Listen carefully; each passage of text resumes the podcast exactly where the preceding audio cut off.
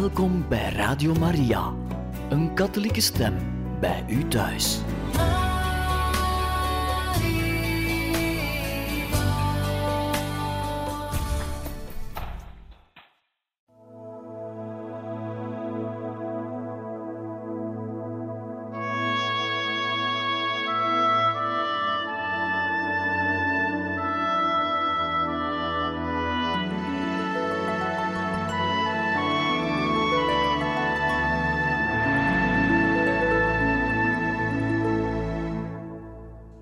Beste luisteraars van Radio Maria. In dit programma lezen wij verder uit het boek Don Bosco van Teresio Bosco. En we zijn gekomen bij hoofdstuk 18, de markiezin en de kleine priester. Zomer 1844. De drie jaar opleiding in het convict zijn voor Don Bosco voorbij. Don Cafasso gaat naar de buitenwijk van Valdocco en bezoekt er Don Borel, de geestelijke leider van het asiel dat door Marquisine Barolo gesticht is. Ik wil u graag een degelijke priester sturen. U zou hem een kamer en een salaris moeten bezorgen. Maar hier is nog niet eens werk voor mij. Wat zou ik hem hier kunnen laten doen? Laat hem zijn gang gaan. Als het salaris u zorgen geeft, zal ik het betalen. Hij heet Don Bosco en heeft tijdens zijn opleiding in het convict een soort patronaat voor arme jongens opgericht. Als we voor hem geen werk in de stad vinden, zal de aartsbisschop hem ergens in een verre uithoek tot onderpastoor benoemen, en zullen de jongens van dat patronaat weer over straat zwerven. En dat zou jammer zijn. Als de zaken zo staan, goed dan. Ik zal er met de markiezin over praten. Don Cafasso gaat terug en zegt tegen Don Bosco: Pak je spullen en ga naar het asiel. Daar kun je gaan werken naast Don Borel en zul je tijd te over hebben voor je jongens. De boetegordel onder fraaie kleren. Markiezin Giulia Francesca di Colbert nam in die tijd een vooraanstaande plaats in in de Turijnse samenleving. Ze was tijdens de Franse Revolutie uit Frankrijk gevlucht en was met markies Carlo Tancredi di Barolo getrouwd, die in 1825 burgemeester van Turijn geweest was. De markies was in 1838 gestorven en had haar geen kinderen nagelaten, maar wel een immens fortuin. De markiezin droeg onder haar fraaie kleren een boetegordel.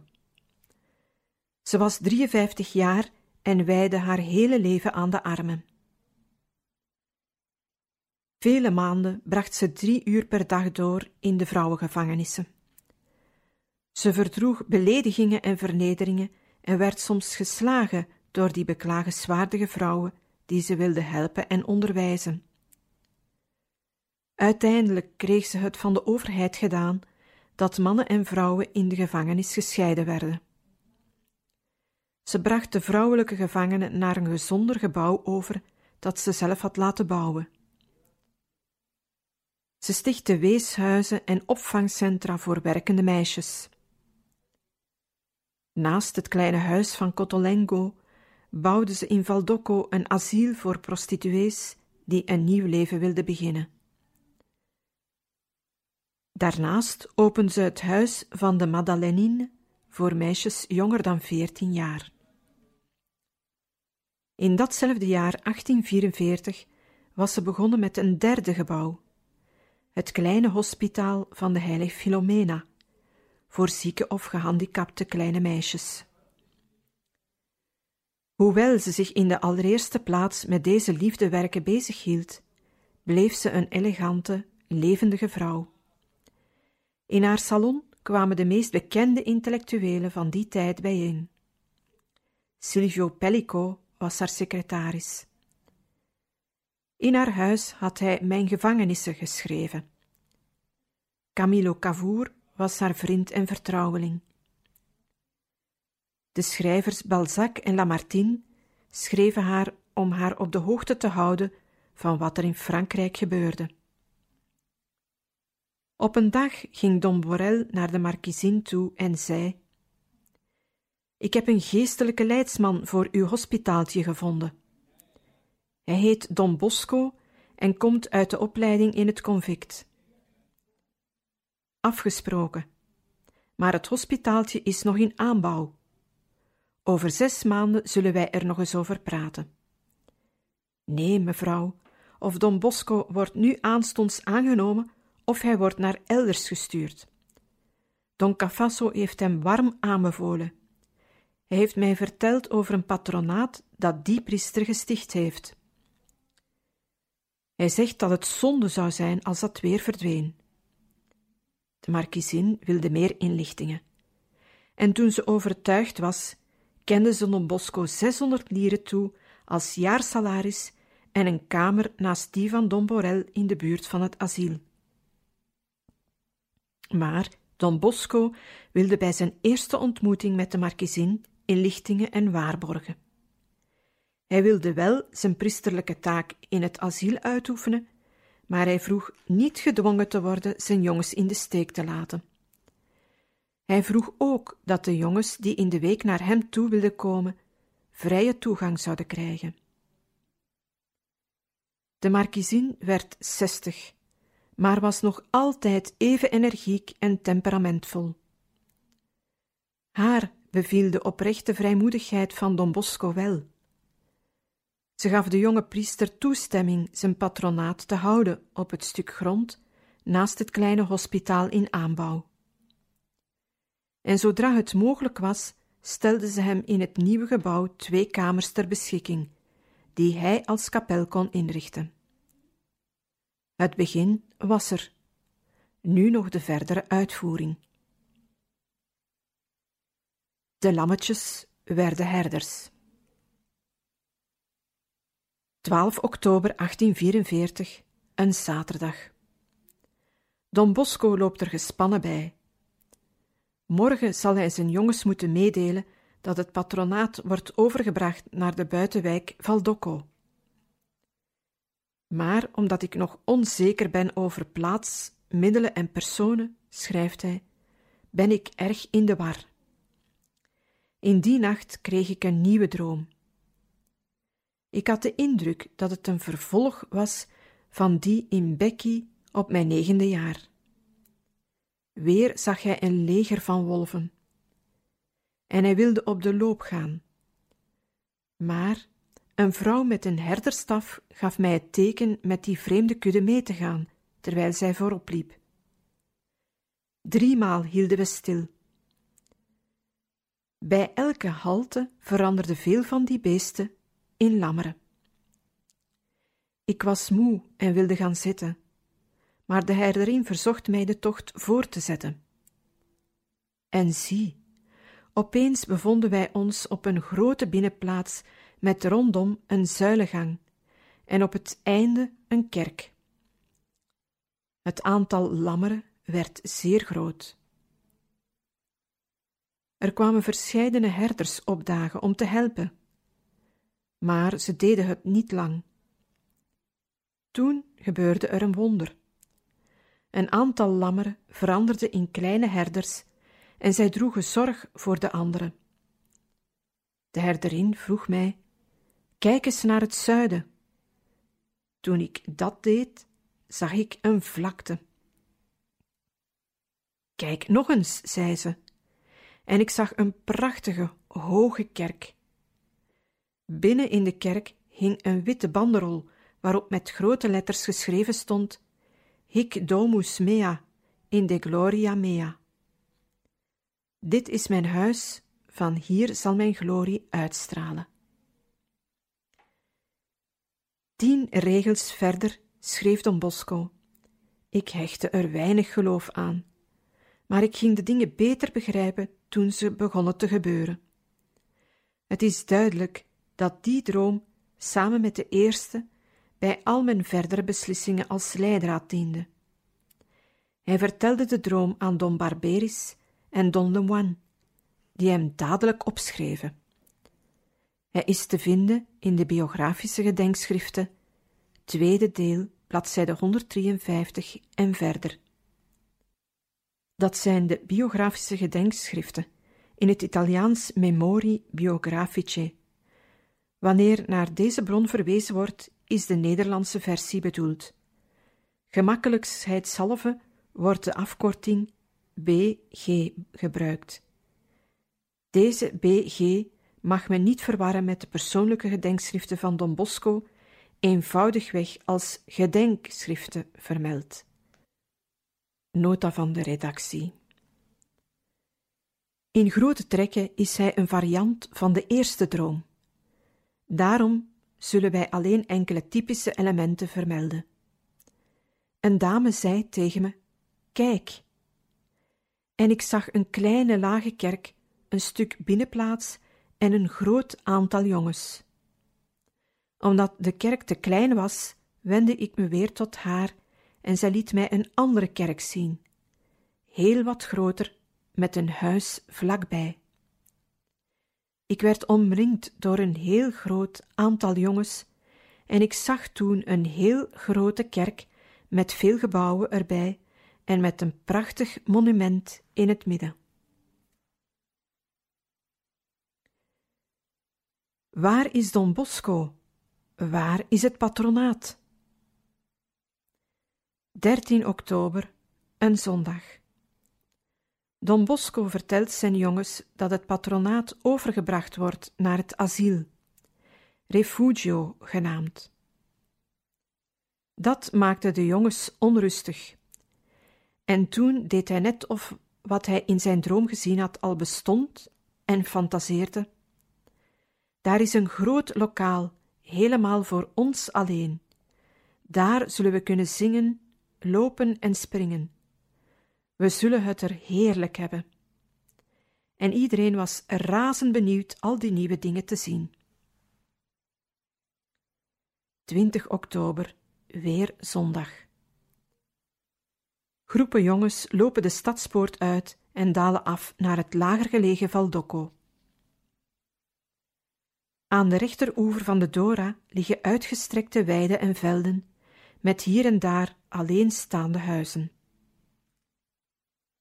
Het kleine huis van Cotolengo en het asiel van Markiezin Barolo liggen in de buurt van eetgelegenheden en landelijke huizen, waar de mensen heel rustig leven. De jongens weten niet waar ze heen moeten, beginnen op de deuren te kloppen en te roepen. Don Bosco, waar is Don Bosco? Waar is het patronaat? De mensen zagen daar nogal vaak troepen qua jongens en dachten aan een misplaatste grap. Ze schreeuwden op hun beurt: Welk patronaat? Welke Don Bosco? Weg hier, smeer hem of wij halen de hooivork. Toen ik dat geschreeuw hoorde, liep ik samen met Don Borel het huis uit. Het geschreeuw hield op. We liepen elkaar tegemoet. We onderbreken nu even voor wat muziek.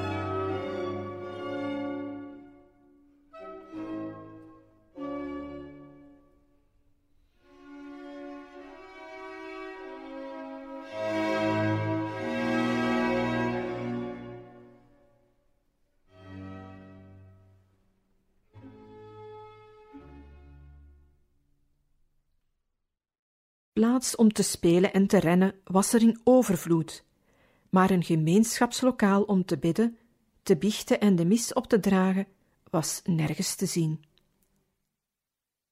Het grote lokaal dat ik jullie beloofd heb, is nog niet klaar, maar wie wil, mag in mijn kamer en in die van Don Borel komen. Het werd me wat, die zondag en de zondagen daarop, tot december toe. We zaten als haringen in een ton. Kamer, gang, trap, alles was vol jongens. We waren met z'n tweeën om biecht te horen, maar er waren tweehonderd jongens die biechten wilden. En wie kan tweehonderd wachtende jongens zoet houden? De een wilde het vuur aansteken, de ander het uitdoven. De een legde het hout op zijn plaats, de ander goot er water overheen. Emmers, vuurtangen, kolenschoppen, kruiken, waskommen, stoelen, schoenen, boeken, alles lag ondersteboven, want ze wilden allemaal opruimen.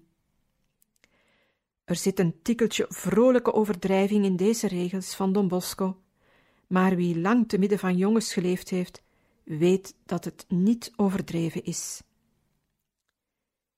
Zes zondagen met tweehonderd jongens. In de loop van de morgen stelden ze zich achter Don Bosco op en gingen zoals een klein legertje de mis bijwonen. Of op de Kapucijnenberg, of in de Onze Lieve Vrouw van Troost, of in Sassy.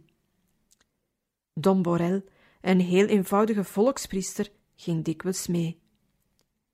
Omwille van zijn gestalte werd hij de kleine pater genoemd. Hij is een onvermoeibare werker. Hij had de jonge Don Bosco onder zijn hoede genomen en een oprechte, warme genegenheid voor hem opgevat. Vaak hielp hij ook met geld. De preken van de kleine pater werden door de jongens gewaardeerd, omdat hij sprak in het geestige dialect van de buurt, doorsprekt met spreekwoorden, rake toespelingen en pittige uitdrukkingen. Iemand had Don Borel gezegd dat een waardiger stijl in zijn preken hem beter zou staan. Maar hij had geantwoord: De wereld is dom, en dus moet je dom spreken. Vlokken sneeuw knetteren in de vuurkorf. 8 december. De nieuwe kapel was eindelijk klaar. Het werd tijd, want s'nachts had het zwaar gesneeuwd. S'morgens lag de sneeuw hoog en was het bitter koud. Er werd een grote vuurkorf de kapel binnengebracht en Giuseppe Buzetti herinnerde zich heel goed dat de sneeuwvlokken knetterend in het vuur vielen. De jongens kwamen toch. Ze troffen er een klein altaar, een klein tabernakel en een paar banken aan. We droegen de mis op, zo vertelde Don Bosco eenvoudig. Verscheidene jongens gingen biechten en de communie, en ik huilde, omdat ik geloofde dat het patronaat eindelijk een definitieve plaats gekregen had. Maar Don Bosco had zich vergist. Hij zou nog wel eens huilen, niet van geluk, maar van verdriet, voordat hij een vaste en definitieve standplaats voor het patronaat gevonden heeft. Op 8 december 1844 werd evenwel toch iets definitiefs voor Don Bosco's patronaat gevonden: de naam. Het werd genoemd het patronaat van de heilige Franciscus van Sales. En waarom die naam? Don Bosco antwoordt: omdat de markiezin een schilderij van Franciscus van Sales aan de ingang van het lokaal had laten ophangen. En als tweede reden gaf hij: Ons priesterambt vraagt grote kalmte en zachtheid. Om die reden hebben wij ons onder de bescherming van de heilige Franciscus van Sales gesteld, opdat hij ons zijn buitengewone zachtmoedigheid mogen schenken. Om zijn jongens blij te maken, kocht Don Bosco knikkers, wikkels en stelten. Voetballen deed men toen nog niet, en de armste onder hen bleef hij helpen met voedsel, kleding en schoenen. Nu hij een eigen kamer had, wilde Don Bosco de meest intelligente jongens lesgeven. S'avonds laat kwamen ze in kleine groepen naar hem toe, hun gezicht zwart van het roet of wit van de kalk, een cape over hun schouders geslagen om zich tegen de kou te beschutten, maar blij dat ze een beetje les kregen. Maar voor boeken, kleding en speelgoed was geld nodig. Don Bosco zat er erg mee in zijn maag. Hij schaamde zich naar beter gesitueerde families te gaan om een aalmoes te vragen. Toch moet het, zei Don Borel. Als je echt van je jongens houdt, moet je dat offer ook brengen.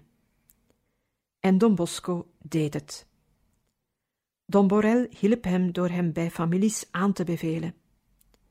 De eerste familie tot wie hij zich wendde was die van jonkheer Gonella. Don Bosco voelde zijn wangen gloeien toen hij zijn hand uitstak om de eerste driehonderd lieren in ontvangst te nemen. Toen Don Bosco 42 jaar later een Salesiaanse overste vroeg een aalmoes op te halen en tot antwoord kreeg dat hij de vrijmoedigheid van Don Bosco mist, werd hij ernstig en zei: Jij kunt je niet voorstellen wat het mij gekost heeft om een aalmoes te vragen. Nooit raakte hij die verlegenheid kwijt, maar ook verloor hij nooit zijn waardigheid. Hij was niet schuchter en ook niet brutaal. In rijke families werd van hem gezegd: het leek wel of er een engel het huis binnenkwam. Zonder zijn jongens te vergeten, vervulde Don Bosco zijn opdracht in het asiel. Hij was daarheen gestuurd, hij kreeg er inwoning en loon, om te midden van die ongelukkige vrouwen en meisjes van het asiel het priesterambt uit te oefenen. Hij draaide er niet omheen dat zijn eerste taak niet in het asiel lag, maar zijn plicht vervulde hij in alle ernst. Een opmerking tussen haakjes. Don Bosco hield steeds vol dat zijn taak bij jongens lag en niet bij meisjes. Die exclusiviteit betekende nooit vrouwenhaat. In alle eenvoud heeft hij samenwerking met en aanwezigheid van vrouwen steeds aanvaard. Vanaf het meisje dat op zijn koeien paste op Susambrino, terwijl hij studeerde tot de kostbare hulp van de moeders in Valdocco toe. En dat waren er heel wat. Zijn eigen moeder, die van Don Rua, van Canunik Gastaldi en de grote Mariana, de zuster van moeder Margarita. De vrouwenkamer, zoals zij genoemd werd, lag naast de ziekenzaal van de jongens. Domenico Savio ging er in de winter van 1857 met koorts naartoe om zich daar te warmen bij de haard die de grote Marianna, die zelf ook ziek was, had aangestoken. In jeugdige onverdraagzaamheid zei Domenico tegen haar: Hoe durft u over pijn te klagen? Die komt toch van God? Vrouwenhaat en onverdraagzaamheid die Don Bosco in aanwezigheid van vrouwen aan de dag zou hebben gelegd, is naar onze mening een verzinsel van een of andere biograaf die onder invloed van bedenkelijke ascetische opvattingen stond. We onderbreken hier voor wat muziek.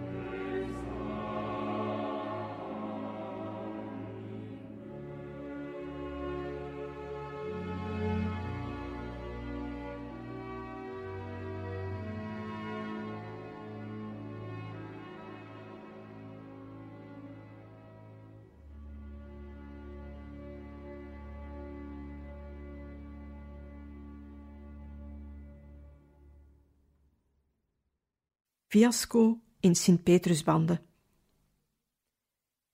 Tijdens de eerste maanden van zijn verblijf in het asiel dacht Don Bosco vermoedelijk dat hij de markiezin van mening kon doen veranderen. Hij wilde haar namelijk overhalen de in aanbouw zijnde vleugel niet voor de zieke meisjes, maar voor de aan hun lot overgelaten jongens te bestemmen. De markiezin van haar kant koesterde de tegengestelde hoop, namelijk dat Don Bosco na verloop van tijd de jongens zou laten varen en uitsluitend voor haar zou gaan werken. Het werd een wederzijdse ontgoocheling. Naarmate de tijd vorderde, nam het aantal en het lawaai van de jongens toe. Werd er in het vuur van het spel hier of daar een rozenperk vernield en uitte een zuster wel eens haar vrees voor de aanwezigheid van de jongens in de buurt van de meisjes. De markiezin werd ongeduldig en wilde dat het patronaat verhuisde. Het probleem was waarheen. Zijn dromen gaven Don Bosco wel hoop, maar het waren niet bepaald topografische kaarten. In de vaste van 1854 probeerde hij een gedeeltelijke oplossing. Voor de dagelijkse catechismusles, die was toen in de vaste en de adventstijd voor alle jongens verplicht, kwamen de grootste patronaatsleden bijeen in de kerk van de Sint-Petrusbande. Daar hoorde een kerkhof bij, maar de laatste tien jaar was er geen mens meer begraven. Het kerkhof, dat ook nu nog in de wijk van Valdocco bestaat, bezat een grote binnenplaats en was met een zuilengang omringd. Omdat de catechismuslessen goed verliepen en de kapelaan van het kerkhof, Don Tesio, een vriend van Don Bosco was, vroeg hij in mei de kapelaan het experiment op grote schaal te mogen herhalen, door het hele patronaat naar de kerk en de binnenplaats van Sint-Petersbande over te plaatsen. Don Tesio moest zondag 25 mei weg uit Turijn en hij zei daarom tegen Don Bosco: Kom met je jongens op de 25ste, dan kun je me tegelijkertijd vervangen voor de mis. Daarmee beging de kapelaan waarschijnlijk twee vergissingen. Hij meende dat Don Bosco's patronaat alleen bestond uit het kleine stelletje jongens dat hij aandachtig en bedaard had zien luisteren in de catechismusles van de vaste tijd. Bovendien dacht hij, zoals het toen de gewoonte was, dat de jongens na de mis en de kerkdienst naar huis zouden gaan, na hun broodje in de zuilengang opgegeten te hebben. Maar de dingen liepen helemaal anders. De huishoudster van de kapelaan zag een enorme massa jongens opdagen. Ze vulden heel de kerk na de mis grepen al de jongens haastig het ontbijtbroodje en stormden luidruchtig de binnenplaats en de zuilengang in. De huishoudster, die een paar kippen in die zuilengang hield, kreeg de stuipen op het lijf en werd toen razend. Ze begon te gillen, heen en weer te rennen, met een bezem te zwaaien, terwijl haar kippen naar alle kanten wegstoven en de jongens erachteraan. Ze liep Don Bosco tegen het lijf en begon hem de huid vol te schelden. Heiligschender van gewijde plaatsen, was wel het vriendelijkste dat ze hem in het gezicht slingerde. Don Bosco begreep dat weggaan de beste oplossing was en zei tegen de jongens: We zullen vandaag het feest maar beëindigen en weggaan in de hoop elkaar de volgende zondag weer in alle rust te kunnen treffen.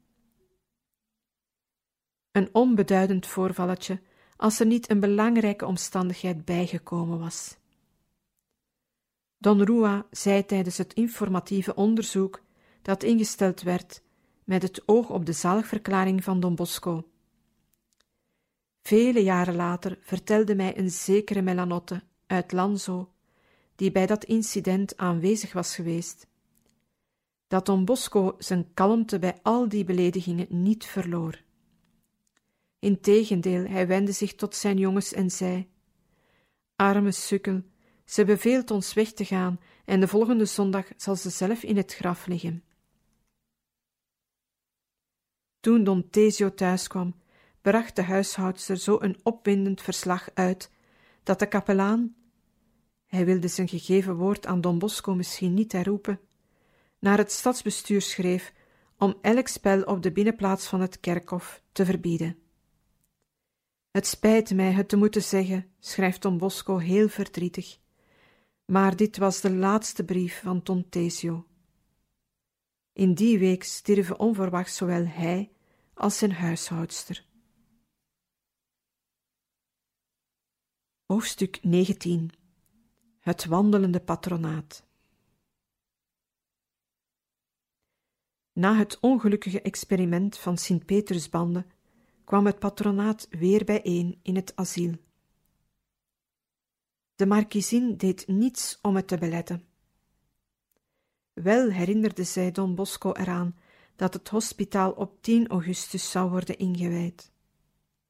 Natuurlijk zouden zijn jongens van die dag af de deuren gesloten vinden. 12 juli 1845 Op die dag ontving Don Bosco een brief van het stadsbestuur. Op aanbeveling van de aartsbisschop werd hem toegestaan gebruik te maken van de kapel van de Molini e Città, de stadsmolens, om er zijn jongens catechismusles te geven van twaalf tot drie uur in de middag, met het verbod de tweede binnenplaats van het gebouw te betreden. Een kerk elke zondag gedurende drie uur in de middag. Het was geen koninklijk paleis, maar ze konden toch blijven bestaan. We pakten banken, witstoeltjes, kandelaars, een paar leunstoelen, schilderijen en schilderijtjes op, herinnerde zich Don Bosco, en iedereen droeg wat hij dragen kon. Het leek wel een volksverhuizing. En zo gingen wij ons hoofdkwartier inrichten op de hierboven genoemde plaats. De stadsmolens, door de bevolking de Molazzi genoemd, lagen op het grote Emanuele Filibertoplein, bij de Porta Palazzo rechtsaf naar de Dora. Ook nu nog is op dat ruime plein de bonte dagelijkse markt met drukke kraampjes. De kool, beste jongens. Don Bosco was niet in de wolken met die nieuwe regeling en de jongens waren het evenmin. Hij schreef: Er kon geen mis gelezen worden en s'avonds voor het naar huis gaan ook geen lof worden gehouden. Zodoende konden ze ook niet de communie gaan, en dat is toch het essentiële van onze instelling. Ze konden er moeilijk spelen. De jongens moesten dat op straat of op het pleintje voor de kerk doen, en daar trokken karren en paarden voorbij. En zijn conclusie luidde: omdat we niets beters hadden, keken wij uit naar een meer geschikte gelegenheid. Hij had een kamer gehuurd op de benedenverdieping van het gebouw, en daar werden dan de catechismusles en de andere cursussen gegeven. Don Borel probeerde het moreel op te vijzelen door een beroemd geworden preek. De jongens noemden die de preek van de kool. De kool, beste jongens, krijgt geen dikke mooie kop als hij niet verplant wordt. Zo begon de kleine pater lachend en ze begonnen allemaal te lachen. Zo is het met ons patronaat gegaan. Het wordt van de ene plaats naar de andere overgebracht, en zo blijft het altijd groeien. Hij vertelde de geschiedenis van het patronaat en besloot: Zullen wij hier lang blijven? Laten wij er ons geen zorgen over maken. Laten we blijven vertrouwen op de Heer. Zeker is het dat Hij ons zegent, ons helpt en aan ons denkt. Maar een paar zondagen later kwamen er ernstige moeilijkheden. Het secretariaat van de Molini schreef een brief aan het stadsbestuur met een waslijst zware beschuldigingen. De jongens brachten schade toe aan de kerk en aan de gebouwen, hielden bijeenkomsten die tot revolutie konden leiden. Dat was een zware beschuldiging in die tijd, en ze vormden een haard van immoraliteit. We onderbreken hier voor wat muziek.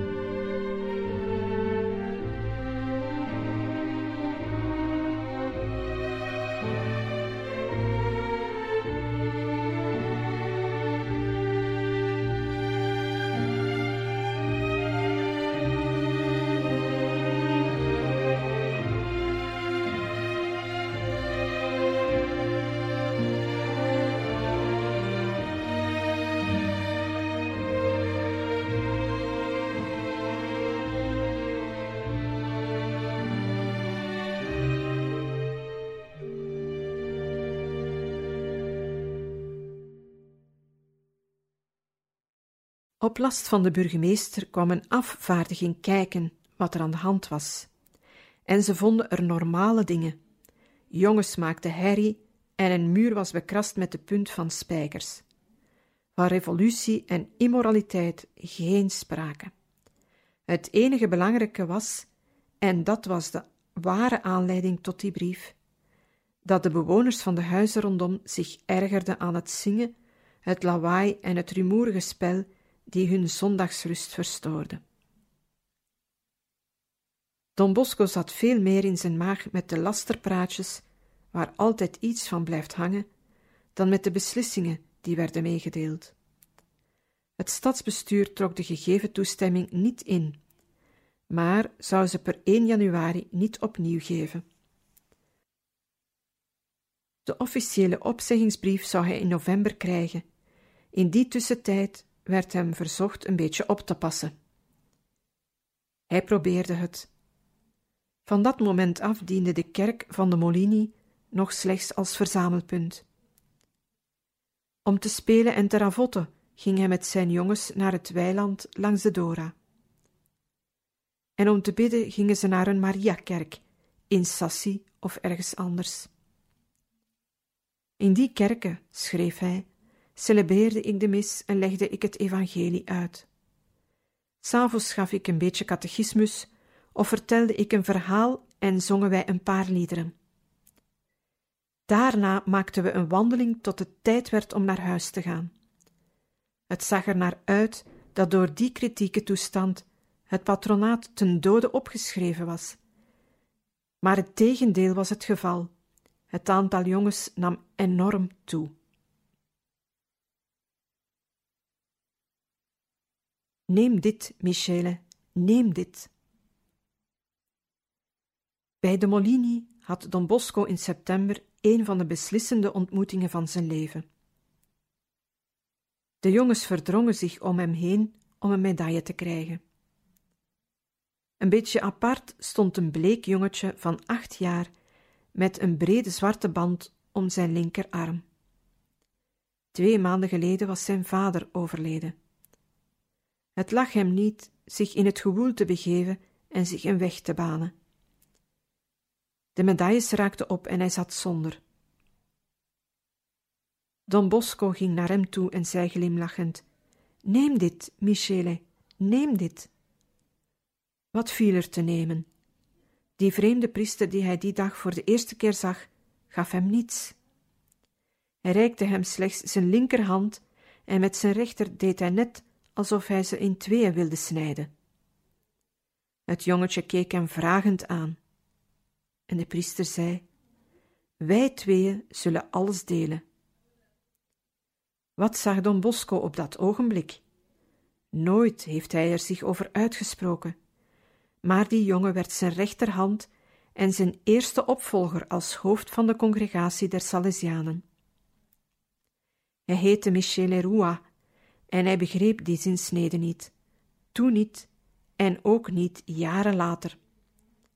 Maar hij hechtte zich aan Don Bosco, de priester in wiens nabijheid iedereen zich blij en warm voelde worden. Hij woonde in de buurt van de wapenfabriek, waar zijn vader gewerkt had. Vier van zijn broers waren heel jong gestorven en hij zelf had een zwakke gezondheid.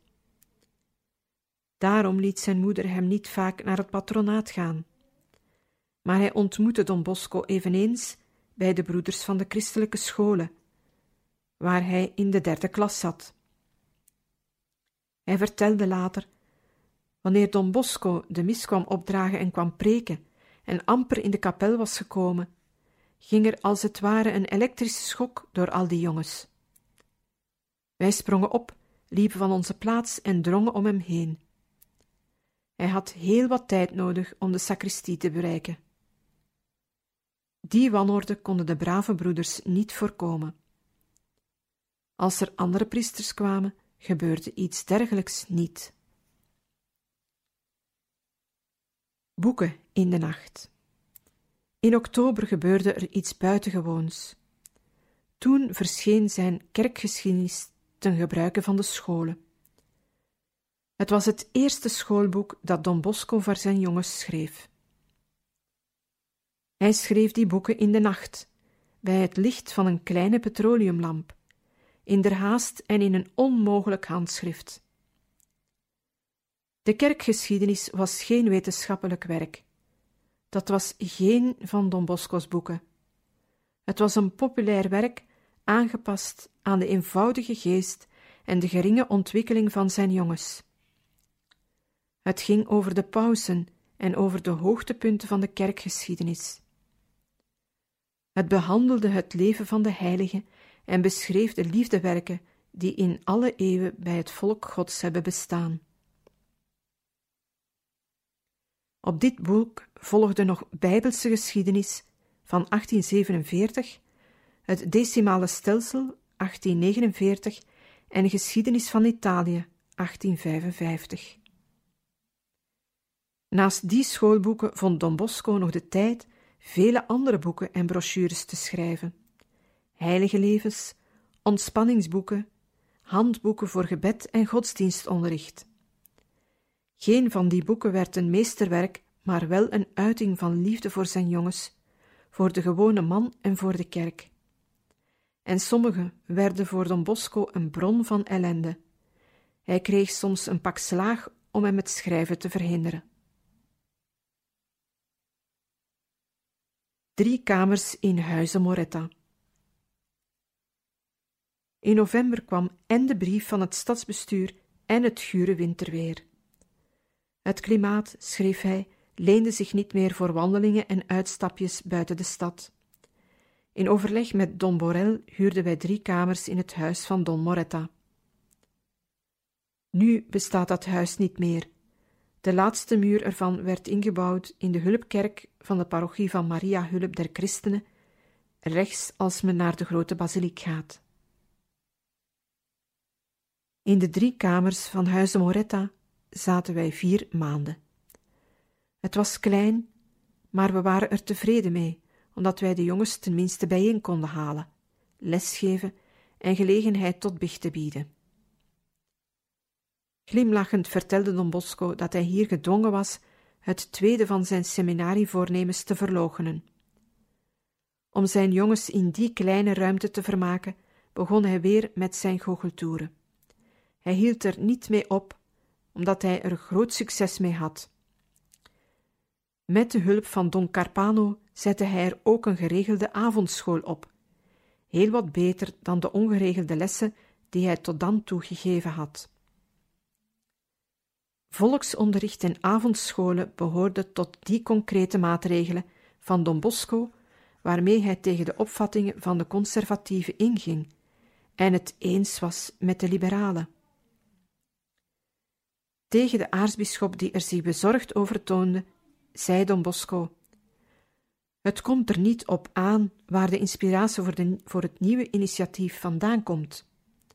Het komt erop aan de aard ervan te bekijken en als die goed is, er een christelijke inhoud aan te geven om te voorkomen dat het door een anti-godsdienstige geest wordt bedorven.